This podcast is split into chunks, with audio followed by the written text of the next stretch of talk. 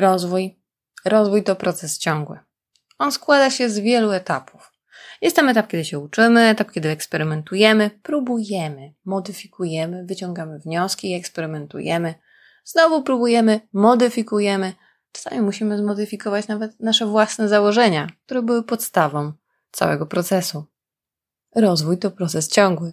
I o tym chciałabym dziś z Tobą porozmawiać. Cześć, nazywam się Agnieszka, Agnieszka Kolber i prowadzę ten podcast Wizja Biznesu. Dlaczego wizja? Bo w moim świecie nie ma rozwiązań zero-jedynkowych. Coś, co sprawdza się w jednej firmie, może nie mieć racji bitu w innej organizacji. I jest to naturalne. Dlatego tak ważne w życiu jest poszukiwanie własnej ścieżki, własnych rozwiązań, sprawdzanie tego, co jest odpowiednie dla naszej branży, dla naszej firmy, dla naszej organizacji, dla naszych ludzi, dla nas. I do tego Cię dziś zapraszam, do bycia otwartym elastycznym, ciekawym i eksperymentatorem. Ale wracając do tematu, rozwój. Rozwój rzadko jest dziełem przypadku. Takie jest moje zdanie. Częściej jest to efekt pracy. Pracy, która może być wytężona, może być dziełem zespołu, ludzi, może powstawać w firmie, ale może też powstawać z tyłu głowy, w zaciszu, w domu. Kluczem tu jest nastawienie. Nastawienie do naszego rozwoju, do rozwoju organizacji, do rozwoju produktu czy usługi.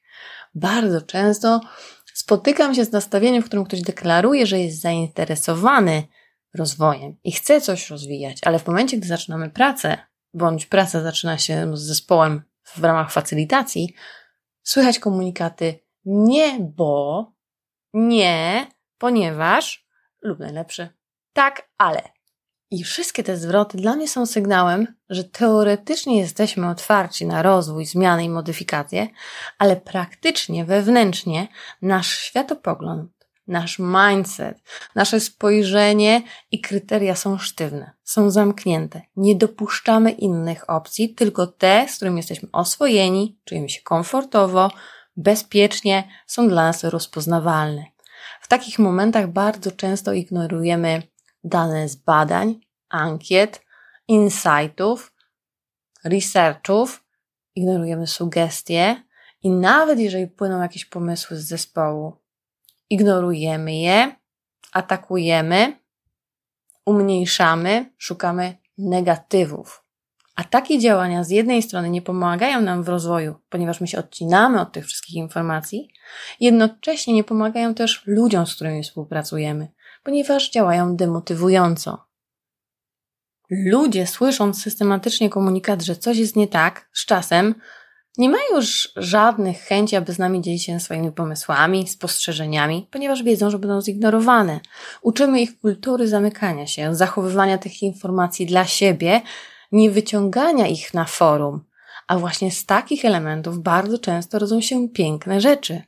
Na początku coś może się wydawać niekompletne, nietrafione, ale dzięki temu, że jesteśmy na to w stanie spojrzeć otwartością, z ciekawością, jesteśmy z tego czegoś zalążka w stanie dojść do czegoś, co będzie już konkretne, namacalne i piękne. I nawet jeżeli czasem jest to kompletnie coś innego niż startowaliśmy, dzięki temu, że był ten zalążek, dotarliśmy do punktu, w którym możemy świętować jakiś sukces. I to jest naturalna droga rozwoju i ewolucji wielu produktów, wielu usług i rozwiązań. I one powstają często na warsztatach, powstają w zespołach, powstają w zaciszu domowym. Dlatego warto pamiętać, że marka eksperta, bycie szefem, liderem, nie wyklucza rozwoju, nie wyklucza możliwości tego, że się mogliśmy pomylić, możemy nie wiedzieć, nie znamy odpowiedzi na pytania. Jest to w pełni naturalne i uzasadnione. Nie musimy się z tego tytułu tłumaczyć, ani się samobiczować.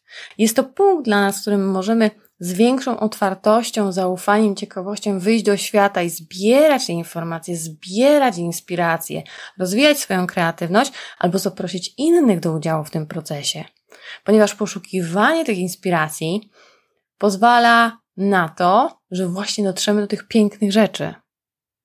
Rozwój często również wyklucza takie momenty przestoju, takie długie momenty przestoju. Żadna organizacja tak naprawdę nie może sobie pozwolić na nie. Nie są one dobre ani dla wyników finansowych, ani dla samej organizacji. Oczywiście są momenty, w których spowalniamy, w których rewidujemy to, co zrobiliśmy, sprawdzamy rezultaty i efekty, i na tej podstawie podejmujemy kolejne kroki. Nie ma sztywnych metryk, żadnego typu, które mówią, ile czasu nam coś powinno zająć w organizacji, ile czasu powinniśmy przeznaczać na rozwój, ile nam badania, ile na testy, ile na produkcję, ile nam powinna zająć retrospektywa, ile wprowadzanie produktu. To wszystko jest tak naprawdę bardzo indywidualne, dostosowane do możliwości danej organizacji i zasobów na dany czas, bo to też się może oczywiście zmieniać. I to jest klucz, żeby rozumieć, jak my funkcjonujemy, jak funkcjonuje nasza organizacja, jakie ma możliwości, i na tej podstawie podchodzić do tego tematu. Jednocześnie w organizacjach jest tak, że organizacje żyją świadomością swoich właścicieli, swoich szefów, CEO, kimkolwiek oni są. Jeżeli mindset tych ludzi jest bardzo sfokusowany i zamknięty, tak będzie funkcjonowała organizacja. Ona nie zakrzepi tego ducha dzielenia się informacją, współpracą, tworzenia tej kolaboracji wewnętrznej, ponieważ ci ludzie sami nie posiadają takiej świadomości i takiego mindsetu. Jedno jakby drugie wyklucza. Trudno być autentycznym, jeżeli ty nie wierzysz w takie procesy, ty w ten sposób się nie komunikujesz ze światem, nie komunikujesz się ze swoją rodziną, współpracownikami, więc ty też nie stworzysz tego typu organizacji. Fajną rzeczą jest ten jakby element, że my nie jesteśmy robotami. My, ludzie, jesteśmy czymś, jesteśmy, jesteśmy osobami, które powstały na podstawie naszych doświadczeń tego, kim byliśmy, jakie decyzje podjęliśmy, co zrobiliśmy.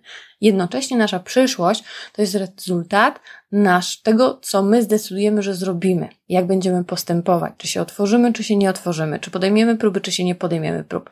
Więc nawet jeżeli ktoś jest bardzo mocno i stricte ukształtowany, to nie znaczy, że on nie może już z tym swoim mindsetem nic zrobić. W żadnym wypadku. Można na tym cały czas pracować. Większość firm, które pracują właśnie z takimi otwartymi umysłami, z otwartymi koncepcjami, gdzie ta kolaboracja i współpraca jest, one się niesamowicie świetnie rozwijają, są elastyczne i najszybciej są w stanie się wewnętrznie modyfikować, ponieważ ten duch został tam zasiany, ten duch taki, że dzielimy, współpracujemy, szanujemy się wzajemnie, wyciągamy wnioski, podrzucamy propozycje, nie boimy się zabierać głosu.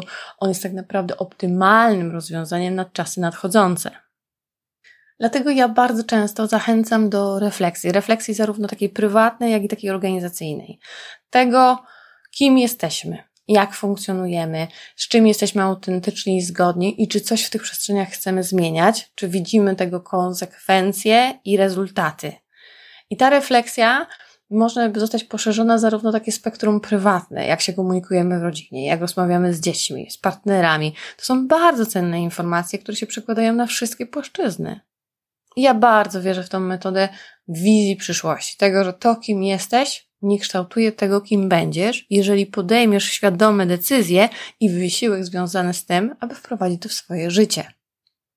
Mam nadzieję, że znalazłeś tu coś ciekawego, coś, co Cię zainteresowało, może zainspirowało, może zastanowiło. Cokolwiek to było, weź i pozwól sobie z tym pobyć. Do usłyszenia w kolejnym odcinku.